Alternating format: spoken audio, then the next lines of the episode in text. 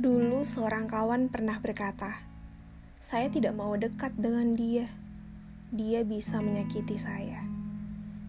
Ketika mendengarnya, aku tertawa, kemudian berkata, "Ah, kawan, sesungguhnya semua orang yang ada di dunia ini punya kemampuan untuk menyakitimu." Termasuk orang-orang yang saat ini berkata bahwa kamu adalah bagian dari keluarga.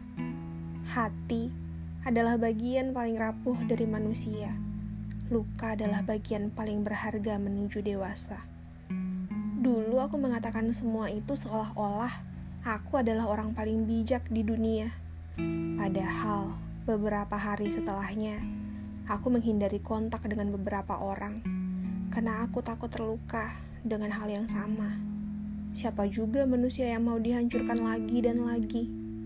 Luka memang mengantar manusia menuju dewasa, tetapi itu bukan berarti hati tidak perlu dijaga.